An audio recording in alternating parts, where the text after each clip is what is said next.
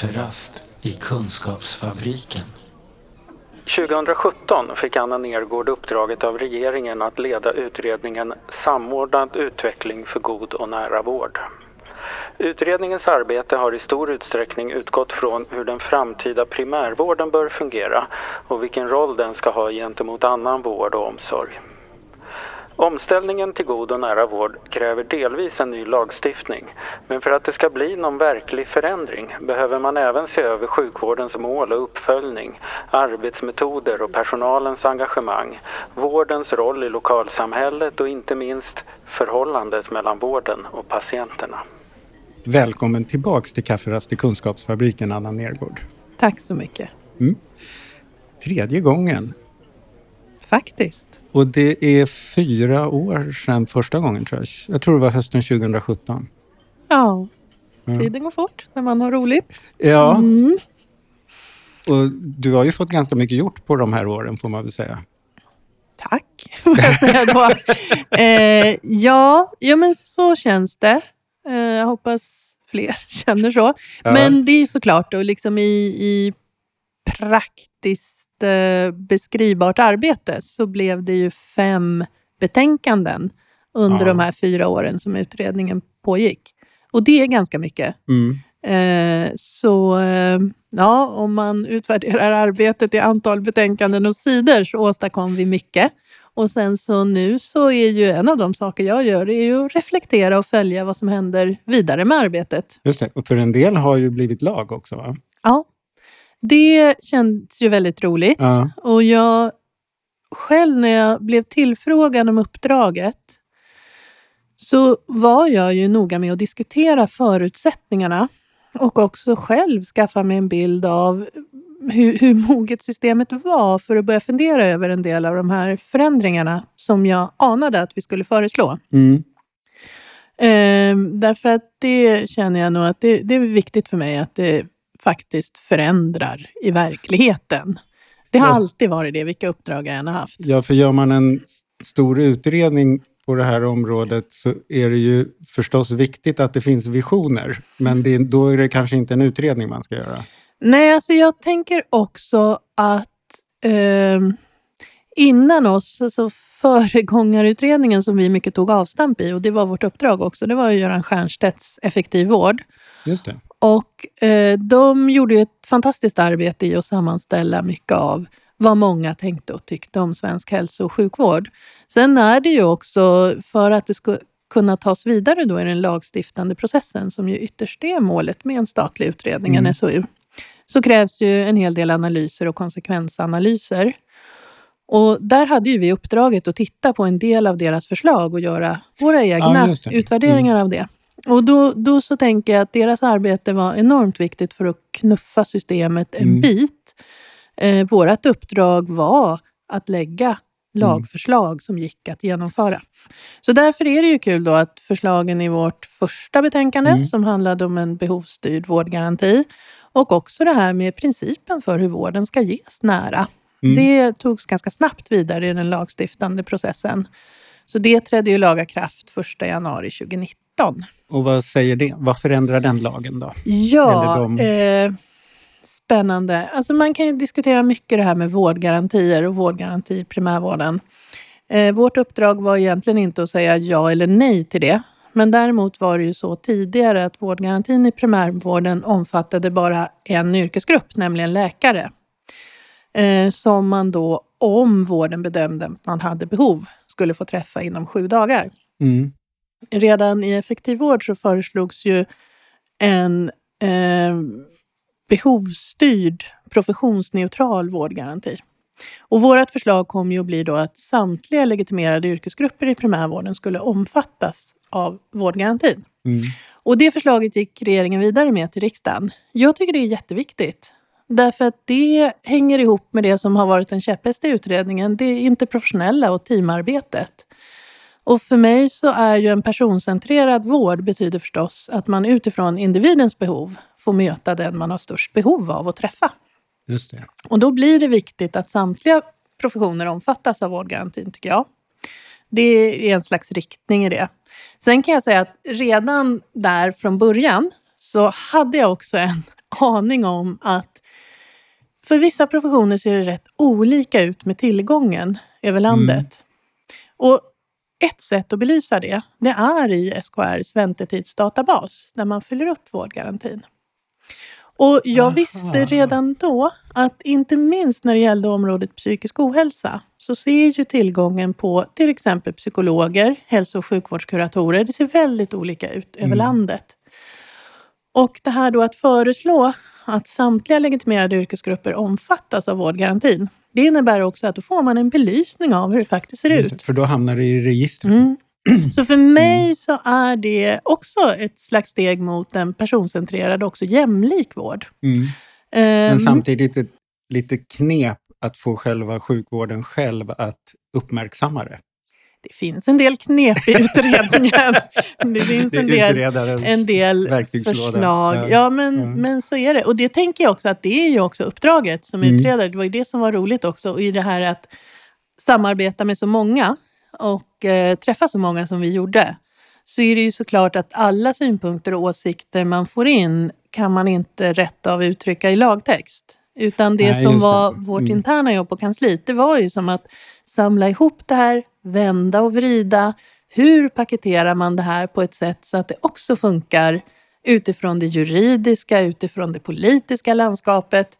Så det kan jag tycka att det är Ja, just det. För att det, även om, som jag har tolkat det, väldigt mycket av det där som ni så att säga, funderat på och ska försöka skapa möjligheter för. Det handlar ju om att skapa ett sjukvårdssystem som vi inte har idag.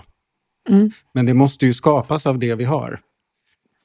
Och då, då måste man ju ta till de knepen som finns i, dagens verktygslåda med att skapa morgondagens.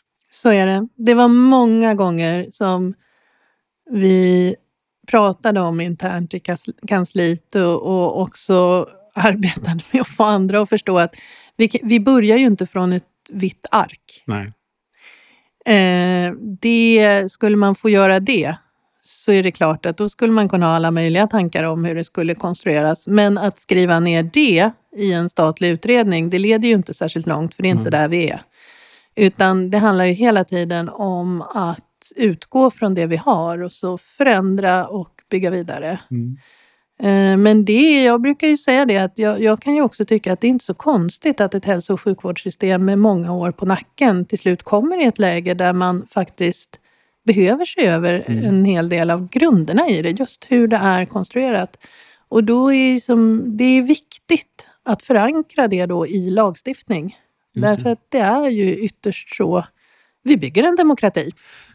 Ja, vi Så har ju att, eh, ambitioner med vad det där sjukhus, sjukhus, sjukvårdssystemet ska leverera i samhällsnyttan. Liksom. Ja. Och det Precis. är ju, ja. Och den överenskommelse vi har uttrycker vi ju i, i lagtext, Mm. så att säga. Ehm, så mm, det finns en, en del sådana. Men då när du Eh, fick den här mm. möjligheten nu under många år att titta både på det system vi har ordentligt och försöka förstå det ännu bättre än vad du gjorde innan och ha idéer om hur det skulle kunna bli något annat. Var det någonting i, i hur det funkade som, som överraskade dig? Eller som, var, eller som du har Ja. fått nyansera din bild av? Nej men alltså det var nya insikter hela tiden. Ehm, men, men eh, ja, kanske mycket precis som du säger, nyansering. Jag hade ju jobbat ganska många år eh, också med olika frågor inom hälso och sjukvård på så att säga nationell eller övergripande nivå. Mm. Ehm, Men jag är glad över att vi fattade det här beslutet tidigt i utredningen att inte bara ha vår expertgrupp förstås, den tillsatte regeringen, och våra referensgrupper, utan också vara runt så mycket som vi var i hela landet och i olika verksamheter. Eh, därför att det gav väldigt mycket. Det är ändå en annan sak att, att sitta i, i rum på möten och höra de som företräder berätta jämfört med att faktiskt få öka sin förståelse utifrån eh, det egna upplevandet Mm. när vi var runt. Så att det, jag är väldigt glad att vi valde det arbetssättet. Jag tycker det tillförde mycket. Sen, sen är det väl det, man kan väl säga att det är raster som vi la på som effektiv vård hade ju, som, precis som namnet säger, Mm. mycket att utgå från den effektiva hälso och sjukvården. Ehm, det vi, vi tidigt insåg, också i vår omvärldsbevakning och vår internationella spaning, så att säga, det var ju just det här med personcentreringen. Mm. Att faktiskt så mycket handlade om att ändra strukturer och hierarkier och på riktigt involvera människor. Det som med ett modernt ord också kallas tjänstedesign. Mm. Att det är så man bygger eh, de här komplexa systemen hållbart för framtiden. Ja, och alltså, dels skapa kunskap om hur de behöver förändras eller vad som behöver förändras, men också göra den förändringen. Mm. Det, för det går ju inte bara att skicka en pdf på att nu gör ni så här, utan jag tänker att även att förvalta förändringen kräver också att människor är involverade och Definitivt. känner sig engagerade i, Ja. i att det ska förändras. Och det kanske ändå var en av de största det kanske ändå var en av de största lärdomarna för mig i det här arbetet. Eh, jag kom ju från både alltså kvalitet, patientsäkerhet, förbättringsarbeteshållet så att säga. Eh, men jag tyckte nog, jag hade liksom inte riktigt knäckt det där, alla de här försöken man gjorde att eh, ha mottagningstider på kvällstid och så konstatera att nej, men det verkar inte som alla gillar det och så tog man bort det och så provar man något annat. Sådär. Eh, och en insikt för mig på senare år har väl varit att mycket av den här typen av förbättringsarbete utgår från vad vi tror att patienterna vill ha. Mm. Eh, när det faktiskt går att fråga. Och också tänker jag att jag hade nog en bild av att om man frågar så kommer vi att få lika många olika svar som det är personer. Mm. Och där tänker jag att det, det teoretiska området tjänstedesign har liksom lärt mig att det går att gruppera. Det kommer att vara så att det går att hitta en slags minsta gemensamma nämnare i vad som fungerar på gruppnivå så att säga. Och det man kan vara helt säker på att den minsta gemensamma nämnaren det är inte diagnos eller organ. Det är Nej, inte så att det, alla med hypertoni. Nej, alla med högt Nej. blodtryck vill inte ha samma sak. Eh, alla i en viss åldersgrupp vill inte komma på kvällstid. Utan det handlar mer om det här att, att faktiskt fråga och ta reda på. Och det hoppas jag eh, är synligt också i våra förslag och jag tänker att det, det tror jag genomsyrar hela Mm, utredningen. För, för just den där öppenheten, nyfikenheten och fantasin som kommer krävas av vården för att jobba så, det går ju inte riktigt att lagstifta fram. Däremot så kan man lagstifta att det är möjligt att ha, lösa saker på olika sätt och att vara ute och fråga och så. Mm. Ja, det där är väl också en sån, det ena utesluter inte det andra. Eh, jag är ju en sån, jag tror att en del tänker att, att jag är en helt hopplös kompromissmänniska. Det är alltid å ena sidan och andra sidan. Men det är nog för mig så att det är så livet funkar. Det är väldigt sällan saker är svarta eller vita. Så att snarare liksom att den insikten att lagstiftningen är grunden. Det, det, det riksdagen beslutar om inriktning. Och det är ju en slags ram och förutsättningar sen för hur systemet ska kunna arbeta på olika nivåer. Och jag tänker att just det här med eh, systemkunskap. Eh, det har jag nog själv länge känt att, att som att titta på komplexa system och hur förändringar beskrivs och drivs i komplexa system.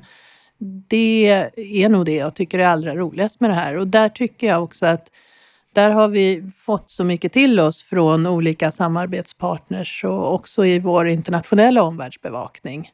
Eh, Det, det finns sätt att jobba med komplexa system, men då måste man också arbeta med frågor he- hela vägen, från lagstiftning till det som är den praktiska utformningen av verksamheter.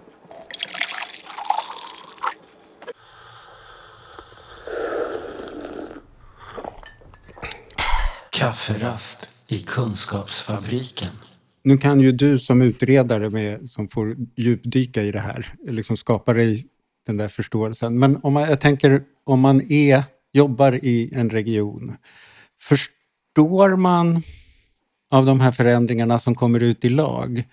Eh, Eller liksom vad det är för system man tänker sig i framtiden? Eller hur får vi ut det där? För att det är en sak mm. att tänka att ja, ja, nu kommer det en ny lagstiftning, nu skickar vi ut det i vår organisation så att alla vet vad som gäller. Men det förändrar ju inte i sig systemet liksom, eller, eller tankesättet eller så. Vad är det mm. mer som kommer krävas? Jag, jag eh, tänker att här har huvudmännen, regioner och kommuner ett stort ansvar. Mm. Och det var nog, eh, det har vi nog haft med oss under utredningstiden i den här bilden vi tog fram, färdplan och målbild. Där hade vi ju som på vänster sida där eh, så står det stat, region, kommun, medarbetare och invånare. Och det var ju lite för att påminna systemet om att här räcker det inte med statliga beslut och lagstiftning. Här behöver regioner och kommuner involveras och för att de ska bli framgångsrika så måste man involvera både vårdens medarbetare eh, och invånarna. Och personer, alltså egenerfarna personer, närstående och, och också invånarna brett. Och här tänker jag att här eh, har man kommit olika långt på den resan, tror jag, i olika delar av landet. Eh, och jag min uppfattning är nog att ett misstag man ofta gör det är att man inte tillräckligt tidigt och tillräckligt väl involverar medarbetarna i processerna. Mm. På en del ställen kanske man har till och med lättare att ta till sig det här att involvera patienter, mm. brukare, egenerfarna men inte riktigt har hittat verktygen för hur man involverar medarbetarna och tar tillvara deras vilja till förändring och förbättring. Det där är min erfarenhet också när vi håller workshoppar med personal och patienter och brukarföreträdare och sådär kring hur man ska jobba, hur man ska få fart och få till bättre brukarinflytande. Då är det till sist det en viktig sak som kommer upp i de diskussionerna är att jo, men vi, alltså, vi har inget inflytande heller som personal. Ofta upp, alltså, man har ju makt gentemot eh, den brukare man möter, har man ju sina verktyg och sin roll och så. Men det är väldigt sällan man känner att det upp, efterfrågas uppifrån vad jag tycker. Eh, mm. vad jag tror om hur vi kan göra det här bättre. Utan det kommer däremot väldigt mycket propåer uppifrån som dimper ner och säger att nu, nu är det bestämt att vi, det är så här vi ska jobba och så. Mm. Och så, och så implementeringen är den där eh, direktivet som kommer, inte någon diskussion om vad tro, hur tror ni att vi ska göra det här om vi vill göra det bra. Så. Och det där är synd, därför att min uppfattning som, som har rört mig i olika delar av systemet, det är att det finns en vilja på personnivå, så att säga. Mm. Finns det en vilja från Definitivt. både politiker och tjänstemän i olika delar av systemet att också involvera medarbetarna? Mm. Men eh, den där nöten är lite svår att knäcka. Mm. Eh, men återigen, det finns goda exempel och jag tror också att det här, det här den här omställningen i vissa delar, eftersom det handlar mycket om just kulturförändring, så tänker jag att det är en resa som, som både tar tid och måste få ta tid. Men jag, för mig så är nog det här eh, med mötesplatser, dialoger, möjlighet att få mötas och stöta och blöta de här frågorna. Det tror jag är avgörande. Mm. Jag tror att det inte alls är något problem att man uppvinner hjulet på flera platser. Alltså jag tror det finns en styrka i att vårt hjul har vi faktiskt kommit fram till hur det behöver fungera. Vi mm. har inte bara fått det från Socialstyrelsen i ett direktiv. Nej, och då kommer man ju in på det här också här, med goda exempel som vi ju pratar mycket om mm. i utredningen. Men där vi också försöker påpeka att ett gott exempel är ju oftast inte på det sättet att här är kokboken för hur mm. alla kan göra och sen är vi klara. Utan det handlar väldigt mycket om kanske just samarbetsklimatet eller alltså platsen, omgivningen, principerna för hur man mm. bedriver förbättringsarbete. Att det är mer det som man behöver överföra från de som har lyckats till andra platser.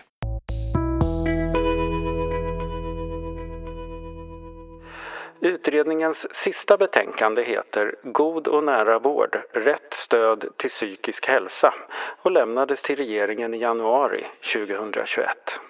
Vi kanske ska säga något om det där sista betänkandet, hela den utredningen, för den kom lite som en, en liten bonus på slutet.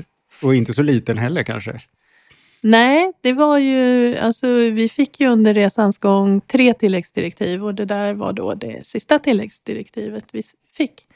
Och det handlade ju om januariöverenskommelsen och en punkt där eh, som särskilt beskrev hur arbetet med att möta lättare psykisk ohälsa i primärvården eh, behövde intensifieras. Det uppdraget eh, fick vi då. Mm. Och jag är glad att vi fick uppdraget eftersom det handlade just om insatser i primärvården och eftersom vi då precis hade lämnat våra running. förslag till primärvårdsreform. Precis. Ehm, så så eh, det var ett välkommet uppdrag och jag säger ju ibland att jag kanske tycker att, att det var ett av eh, de viktigaste uppdragen vi hade. Jag vet inte, det här med att eh, nå sårbara och utsatta grupper eh, blev väl på sätt och vis också en slags röd tråd i utredningen. Både att så många av våra förslag ha- handlar om samverkan mellan regioner och kommuner Mm. och de som, som ofta faller mellan stolarna där. Och lite på samma sätt när det gäller psykisk ohälsa så visar det sig också, tycker jag, i våra analyser där att det, det är ett område som, som fortfarande behöver sin belysning. Mm. Vad kom ni fram till då? Mm. Gick det att säga vad som var lättare psykisk ohälsa för det första? Nej, det var ju vår första utmaning. Det var ju första Ja, utmaningen. det. Eh, och den, eh, den var ju intressant tycker jag, därför att det, vi, kom ju, vi valde ju förstås att behålla vårt personcentrerade synsätt. Mm. Och då blev det ju ett tidigt statement från vår sida att du vet ju inte själv om du har en lättare eller svårare psykisk ohälsa. Du vet att du mår dåligt och du klarar inte av det här med hjälp av dina egna verktyg och din omgivning. Och det blev vår utgångspunkt. Eh, och jag är glad för att vi valde att göra så. Sen, sen så kom vi ju in och det hade vi uppdrag också på, på hela så att säga, definitionsproblematiken inom psykisk ohälsa. Det här är ju något som har diskuterats i olika sammanhang på senare tid. Liksom, det är ett brett område. Eh, och där valde ju vi att ställa oss bakom det arbete som nyligen då hade gjorts av Folkhälsomyndigheten, SKR och Socialstyrelsen. Eh, I, I det som var liksom regelrätta definitioner. Men som utgångspunkt i vårt arbete, eh, där, där tänkte vi mer att utifrån personen att just utgå från att när man känner att ens egna verktyg inte räcker till, då måste man enkelt kunna vända sig någonstans. Och då beskrev vi en sån modell i primärvården som vi ju kallar rätt stöd till psykisk hälsa. Och så försökte vi dela in det i tre delar också utifrån vad man faktiskt möter som person då när man kommer till primärvården. Och de delarna blev ju då vägen in och det blev primärvårdens organisering och det blev samverkan mellan olika delar av hälso och sjukvården men, men också med resten av samhället och inte minst eh, civilsamhället. Sen kan man säga att det där eh, som handlade, det jag beskrev nu, eh, som, som en slags modell för hur man kan arbeta. Mm. Eh, där kom vi tillbaka till det här med lagstiftning. Vi kände också att vi behöver hänga upp det här på en lagstiftning. Och arbetssätt och metoder är ju inget man kan lagstifta om därför att det Nej. är upp till regioner och kommuner, till huvudmännen. Men det vi såg var, och kanske det nu föregår jag säkert dig. Du hade säkert tänkt fråga mig vad överraskade dig mest när du tittade på det här området? Och då, då säger jag då att det som faktiskt överraskade mig, eller som var en viktig insikt, Mm. det var att det fortfarande finns en stigmatisering kring det här med psykisk ohälsa. Och att det i vårdens strukturer finns en slags hierarki mellan det fysiska och det psykiska. Mm. Det där kommer ju inte som en överraskning för oss på patientsidan på psykområdet. Nej, men jag tänker ändå att jag kanske trodde att förflyttningen, att vi hade förflyttat oss längre från Mm. det. Men är det det Mm. att man inte tycker det är fint nog eller tycker man inte att, att det verkar vara ett så stort problem som alla säger? Eh, man är helt enkelt människa bland just andra människor, skulle jag säga. Mm. Jag tror inte man har så mycket reflektion över det. Så fort Nej. man börjar reflektera över det så tror jag att man tycker att det är jätteviktigt. Ja. Men jag tror att vi ibland glömmer bort att de som arbetar i hälso och sjukvården är inte någon särskild sorts människor. De är en del av samhället och samhällsstrukturen. Mm. Och i samhällsstrukturen så finns det fortfarande en slags hierarki mellan, mellan Mm. Är sant. åkommor och en slags De är stigmatisering. strukturell också. De är, Den är inte precis bara... så. Det är strukturellt. Mm. Och, och det liksom tog sitt uttryck som vi såg det i utredningen att vi vet idag att ungefär 30 procent av de som söker primärvården gör det med anledning av psykisk ohälsa. Men det är ganska tydligt att det är inte resurs och kompetenssatt inom primärvården för att möta de behoven. Och det leder till kvalitetsproblem och det leder också till arbetsmiljöproblem. De För som, ar- ja, de som Mm. arbetar i primärvården ser ju alla de här som mår dåligt och har inte verktygen. Och det här då, apropå lagförslag, det ledde oss fram till att vi bestämde oss för att i primärvårdens uppdrag, som det uttrycks i hälso och sjukvårdslagen, så ska det tydligt framgå att primärvårdens uppdrag gäller såväl psykisk som fysisk ohälsa. Ja, för det så ska ordagrant stå där. Det har inte varit så tidigare. Nej, det har inte stått så. Jättesvår avvägningsfråga. Mm. För när vi började fundera så, så var det ju en del som blev rädda att en sån skrivning skulle ännu mer befästa stuprören. Mm. Att det är två olika saker. Att det är två olika med saker. två olika värden Mm. på något sätt. Att Mm, det skulle Mm. liksom öka problematiken. Men vi och jag bestämde oss för, utifrån den verklighet vi såg, Mm. att nej, det är istället ett sätt att lyfta Mm. ansvaret för den psykiska ohälsan. Och då låter man lagstiftningen bli normerande också. Ja. Inte, ja det. När det finns i lagstiftningen, då, då är ju tanken att då går det inte för regioner, för kommuner, huvudmännen, Mm. att, att glömma bort Nej. det här området. Och då blir det också eh, ett sätt att poängtera att här behövs en förstås resurs och kompetenssättning Mm. eh, som motsvarar behoven. Och då är vi inne på ytterligare en grej som ni har lämnat förslag på, eller har det gått igenom redan? Det här med primärvårdens roll att ha koll på hur folkhälsan och det här. Mm. Eh, vi la ju en hel del förslag då i vårt andra delbetänkande, en primärvårdsreform. Mm. Och de förslagen låg till grund för en proposition i riksdagen förra hösten. Och från halvårsskiftet nu 2021, då finns det en beskrivning av primärvårdens uppdrag i hälso och sjukvårdslagen. Hälso och sjukvårdslagen i Sverige är en ramlag, den är väldigt principiell. Mm. Eh, Men, men nu finns det just då för området primärvård en, en tydligare beskrivning. Eh, och där finns det med eh, just förebyggande insatser på ett tydligare Mm. sätt än tidigare. Och då nämns förebyggande insatser på både grupp och individnivå. Mm. Och eh, Och för att kunna göra förebyggande insatser så måste man ha bättre koll. Ja, uppföljningsfrågan har ju varit en slags röd tråd genom alla betänkanden faktiskt. Det här med, eh, som egentligen alltid har varit viktigt och där både Sverige och andra länder tidigare har fått kritik av OECD, det här med möjligheten att följa upp de insatser som görs i Mm. primärvården. Så det har vi lyft i flera av våra betänkanden och lyfter också förstås avseende psykisk ohälsa. I det ljuset så kan det ju bli ännu viktigare att man blir skickligare på det här med att lyssna på de som är där.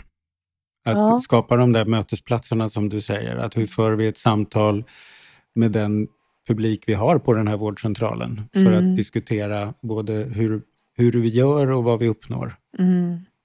Ja, precis. Det där är ju såklart en viktig del både i det egna, i verksamhetens förbättringsarbete. Men sen tänker jag också att när vi pratar personcentrering eh, så är det ju rätt många nu som brottas med den här frågan kring hur vet vi att vi arbetar personcentrerat? Ja, där måste vi ju förstås involvera Man får fråga personen. de, ja, man får fråga personen och Mm. man måste hitta strukturerade sätt att göra det. Hela personcentreringsprocessen, eller vad man ska säga, eller paradigmet, vad man ska säga, det är ju fortfarande på många sätt tror jag, ett begrepp som förekommer oftare än att det har ett stort innehåll.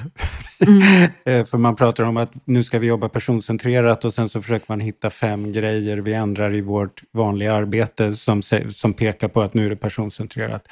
F för oss skulle jag nog säga ur ett patientperspektiv så är ju det där en kanske en ödesfråga till och med på ett annat sätt. Att, att vården förstår att det inte är så att vi ska göra fem grejer på ett annat sätt utan det är ett förhållningssätt som är annorlunda som behöver genomsyra både tanken hos de som jobbar och där tror jag att det är ändå där det finns bäst.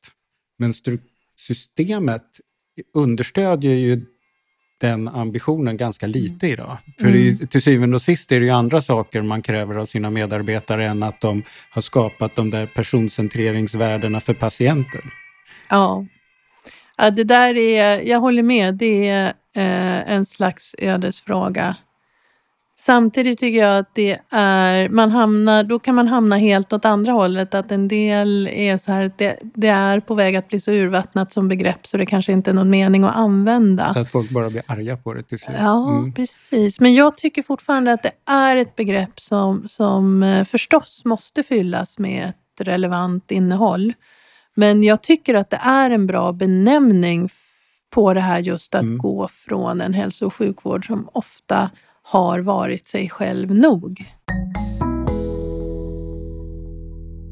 Återigen, jag kommer tillbaka till det rätt ofta nu för tiden, alltså det här med samverkan med civila samhället och mm. föreningslivet mm. med det offentliga. Det tror jag kommer att vara en, en allt viktigare grej framöver. Lite tidigare här i höstas så var ju du och höll ett webbinarium hos oss på NSPH eh, för intresserade eh, för att berätta om dina utredningar och sådär. Då var, det, då var det ju ganska mycket frågor och diskussioner efteråt som, som kom att handla om just det här. För det ligger ju oss varmt om hjärtat, eh, både i, i rollen som var med och förmedla enskildas erfarenheter för att förbättra vården och så, men det finns ju också det andra perspektivet där vården så att säga kan liksom hänvisa till att vi har ett civilsamhälle här utanför som också kan bidra med hälsostärkande insatser och sådär.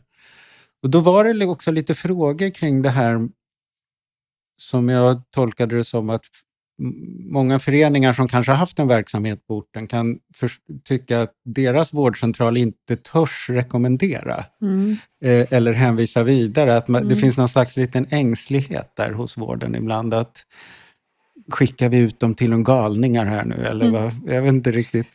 Ja, det där eh, det är jättespännande. Alltså vårt tredje som jag nämnde i den här rättsstöd till psykisk hälsa där vi pratar om vägen in, vi pratar om primärvårdens organisering och så det tredje då samverkan. Och där var ju ett en viktig del i det var samverkan primärvård, psykiatri förstås. Mm. Men en annan viktig del var just samverkan med föreningslivet. Och där kan vi ju konstatera att en sån samverkan finns på många ställen på huvudmannanivå, på, mm. på kommunledningsnivå så att säga, eller regionledningsnivå.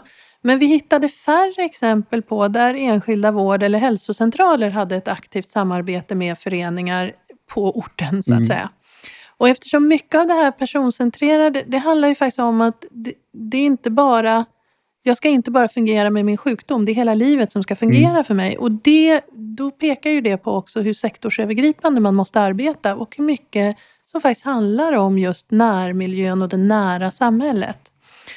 Och då kunde vi konstatera att den här typen av samarbeten mellan en hälsocentral och föreningslivet, det fanns ofta om någon som arbetade på hälsocentralen själv hade ett stort engagemang i en förening. För då var det lätt alltså det, att skapa... Där, då var det lätt att hitta mm. dem där. så. Men däremot att på ett strukturerat sätt arbeta med en sån samverkan, det hittade vi färre exempel mm. på. Det är också intressant därför att det finns ju, alltså om man tänker på nationell nivå, statlig nivå, så finns det ju samverkan eh, med en rad olika civilsamhällesaktörer mm. och med föreningslivet. Så det gäller liksom att få det där då att sippra ner hela vägen i systemet. Just det. Och sen också då förstås, för det vet jag har framförts från er sida, så att, att det också skapas hållbara strukturer för en sån samverkan. Mm. Men, men jag, utifrån de här frågorna på seminariet så, så tänkte jag också att det här det finns nog en bild hos många medarbetare i hälso och sjukvården att det skulle vara lite juridiskt knepigt att etablera den här typen av samarbete. Man vet inte riktigt mm. vilka regelverk som gäller. Till viss del försökte vi väl tydliggöra det, därför att det är ju också det här med att hälso och sjukvårdens uppdrag är ju hälso och sjukvårdstjänster. Mm. Och det är viktigt förstås, och inte minst ur prioriteringsskäl, att att det är just det som är hälso och sjukvårdens uppdrag. Så vi hoppades att kunna bidra till det genom att just peka på de här samarbetsmöjligheterna. Eh, jag tänker så här i efterhand att, att vi hade säkert kunnat fördjupa juridiken ännu mer kring, mm. kring så här, vad, vad får man göra och vilka möjligheter finns i en sån här samverkan.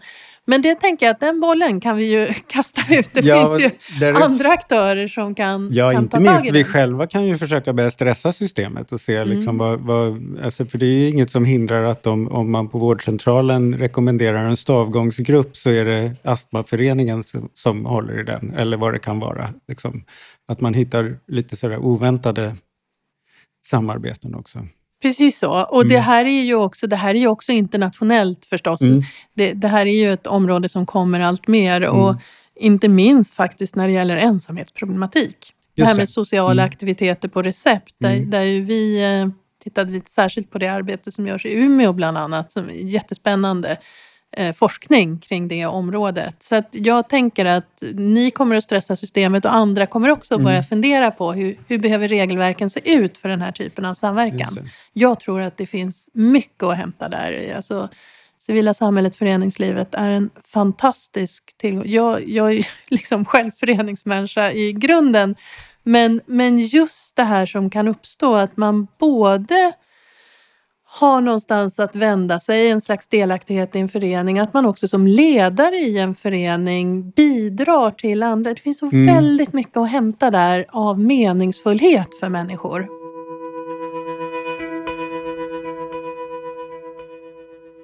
Ett arbete som vi gör just nu på NSPH, som jag har fått äran att leda, där vi åt Socialstyrelsen tar reda på vad patienter tycker om det här som kallas för självvald inläggning. Ehm, som vi också kan diskutera lite utifrån varför det är så svårt för vården att lösa det där. Eh, för att det handlar ju om att inte doktorn bestämmer när man skrivs in, utan patienter som ändå har ett återkommande behov av vård får liksom en överenskommelse som säger att kom när du tycker att du behöver det, så möter vi upp dig. Så. Eh, och det där är ju då på tal om att stressa systemet, så är ju det där en, en eh, synvända eller ett, en initiativförändring som är o, lite obehagligt för vårdapparaten på något sätt. Eh, men i det arbetet så har vi dels haft enkäter ute och i enkäterna så har man kunnat få skriva upp sig på om man också skulle vilja ställa upp på en intervju och var tredje enkätsvarare sa att det gör jag gärna. Eh, och sen har vi också sagt så att när vi är klara, när vi har sammanställt resultaten av enkäten, så får ni gärna vara med på workshops där vi diskuterar resultaten och ni får diskutera med varandra olika frågeställningar som resultatet väcker. Och det är ju jättespännande. Mm. Eh, att se hur de här patienterna, som i de här fallen är patienter som har varit, haft jättesvår ohälsa, haft jätteknepig relation till vården, väldigt mycket tvångsvård och, och trassel och bråk och in och ut och akuten och polis och, och självskador och sådana saker. Eh, hur de, när det här sätter sig, när man hittar den här lite förändringen i ansvarsområdet så, så växer man ju. Och när man dessutom blir tillfrågad att dela med sig av sina erfarenheter och få möjlighet att prata med någon annan som har uh, varit med om samma sak men upplevt det lite annorlunda, så blir det extremt mycket meningsfullhet. Skulle mm. jag säga. Vi får liksom brev som tack efter de här workshopparna att det här var jättegivande och vad fantastiskt att vi fick vara med på det här. Och, liksom mm. så. och då tänker jag också att, att det är ju sammanhang. Mm. Och det, det som är lite intressant där tänker jag att det är att då skapar man också ett sammanhang, ett positivt sammanhang utifrån det som kanske har varit det svåraste man har varit med om. Ja. Eh, att våga börja skapa meningsfullhet även kring det där? Alltså människor, det tänker jag nu att har, vi har kommit tillbaka till, till det flera gånger. Människor vill bidra. Mm. Människor vill bidra till förbättring. Mm. Um, och, och, därför är det allt att vinna på involvering och just att skapa mötesplatser. Mm. Eh, och jag tror att just i den här omställningen och ganska stora förändringen av hälso och sjukvården nu så, så det är där möjligheterna ligger. Det blir bättre? Det ska bli roligt att eh, fortsätta att följa den här utvecklingen. Jag tycker den har fått rätt bra fart just de senaste åren kring de här, i alla fall samtalet kring de här begreppen. Personcentrering, god nära vård, delaktighet och sånt där. Jag tycker det också nu när jag tittar i backspegeln. Mm. Jag känner nog att det har nog hänt mer än jag kanske trodde när vi påbörjade utredningen. Jag tycker just att de här uppdragen som har givits nu på senare tid till Socialstyrelsen och vara den statliga myndighet som ska följa den här utvecklingen, även till Vårdanalys, IVO, SKRs arbete som har tagit en fantastisk fart, inte minst med utbildningsinsatser till förtroendevalda över hela landet. Om god och nära vård och, och Om omställningen. omställningen Mm. till nära vård. Där man, jag vet att man just nu i dagarna startar sitt nästa program där med över 2000 deltagare Mhm. från hela landet. Mm. Eh, så jag tänker att just det är viktigt för att, att öka förståelsen eh, vad det här är för förändringar vi står inför och varför de behövs. Mm. Så eh, mm, det blir spännande även för mig att följa fortsättningen. Sen tänker jag också att vissa av de här frågorna har ju också ställts på sin spets under pandemin. Just det. Och jag tänker att de belyses också väl i ett antal utredningar som, som pågår nu. Både Peter Almqvists utredning då kring barn och unga och det som kommer ut av den. Anders Prins utredning förstås, Mm, samsjuklighet. samsjuklighetsutredningen. Och även Olivia Wigzells utredning Vad handlar den eh, om? en, eh, en äldreomsorgslag. Aha, ja, just det. För det Eh, och, eh, har det varit på tal om. Att ja. man skulle bryta ut den ur socialtjänstlagen. Ja, att man i alla fall behöver titta Mm. på eh, hur man bättre kan, kan skapa egentligen en personcentrerad och sammanhängande hälso och sjukvård även för de grupperna. Ja, Ja. Just det. Hur ska du följa den här utvecklingen nu när du inte har några fler direktiv från regeringen? Ja, men jag hoppas ju att på olika sätt få vara en del av den här utvecklingen och eh, det här är ju frågor som egentligen har följt mig länge. Mm. eh, och som jag har intresserat mig för. Så det tänker jag fortsätta göra på ett eller annat sätt. Eh, just nu är jag jätteglad att jag får så mycket förfrågningar om att både prata om utredningen men, men också inbjudningar att komma och, och delta och vara med i olika sammanhang där man tar det här ett steg vidare. Ja, för om du ska ta det ett steg vidare så handlar det inte om att åka runt och föreläsa om det utan att åka runt och prata med andra om det tillsammans. Mm, Och få vara en del av den fortsatta utvecklingen. Ja. Vad trevligt att du ville vara här och prata om det för tredje gången. Så trevligt att få komma hit. Tack, Tack för det. du. Den här podden görs av NSPH, Nationell samverkan för psykisk hälsa. Läs mer på vår hemsida www.nsph.se eller följ oss på Facebook. Kafferast i Kunskapsfabriken.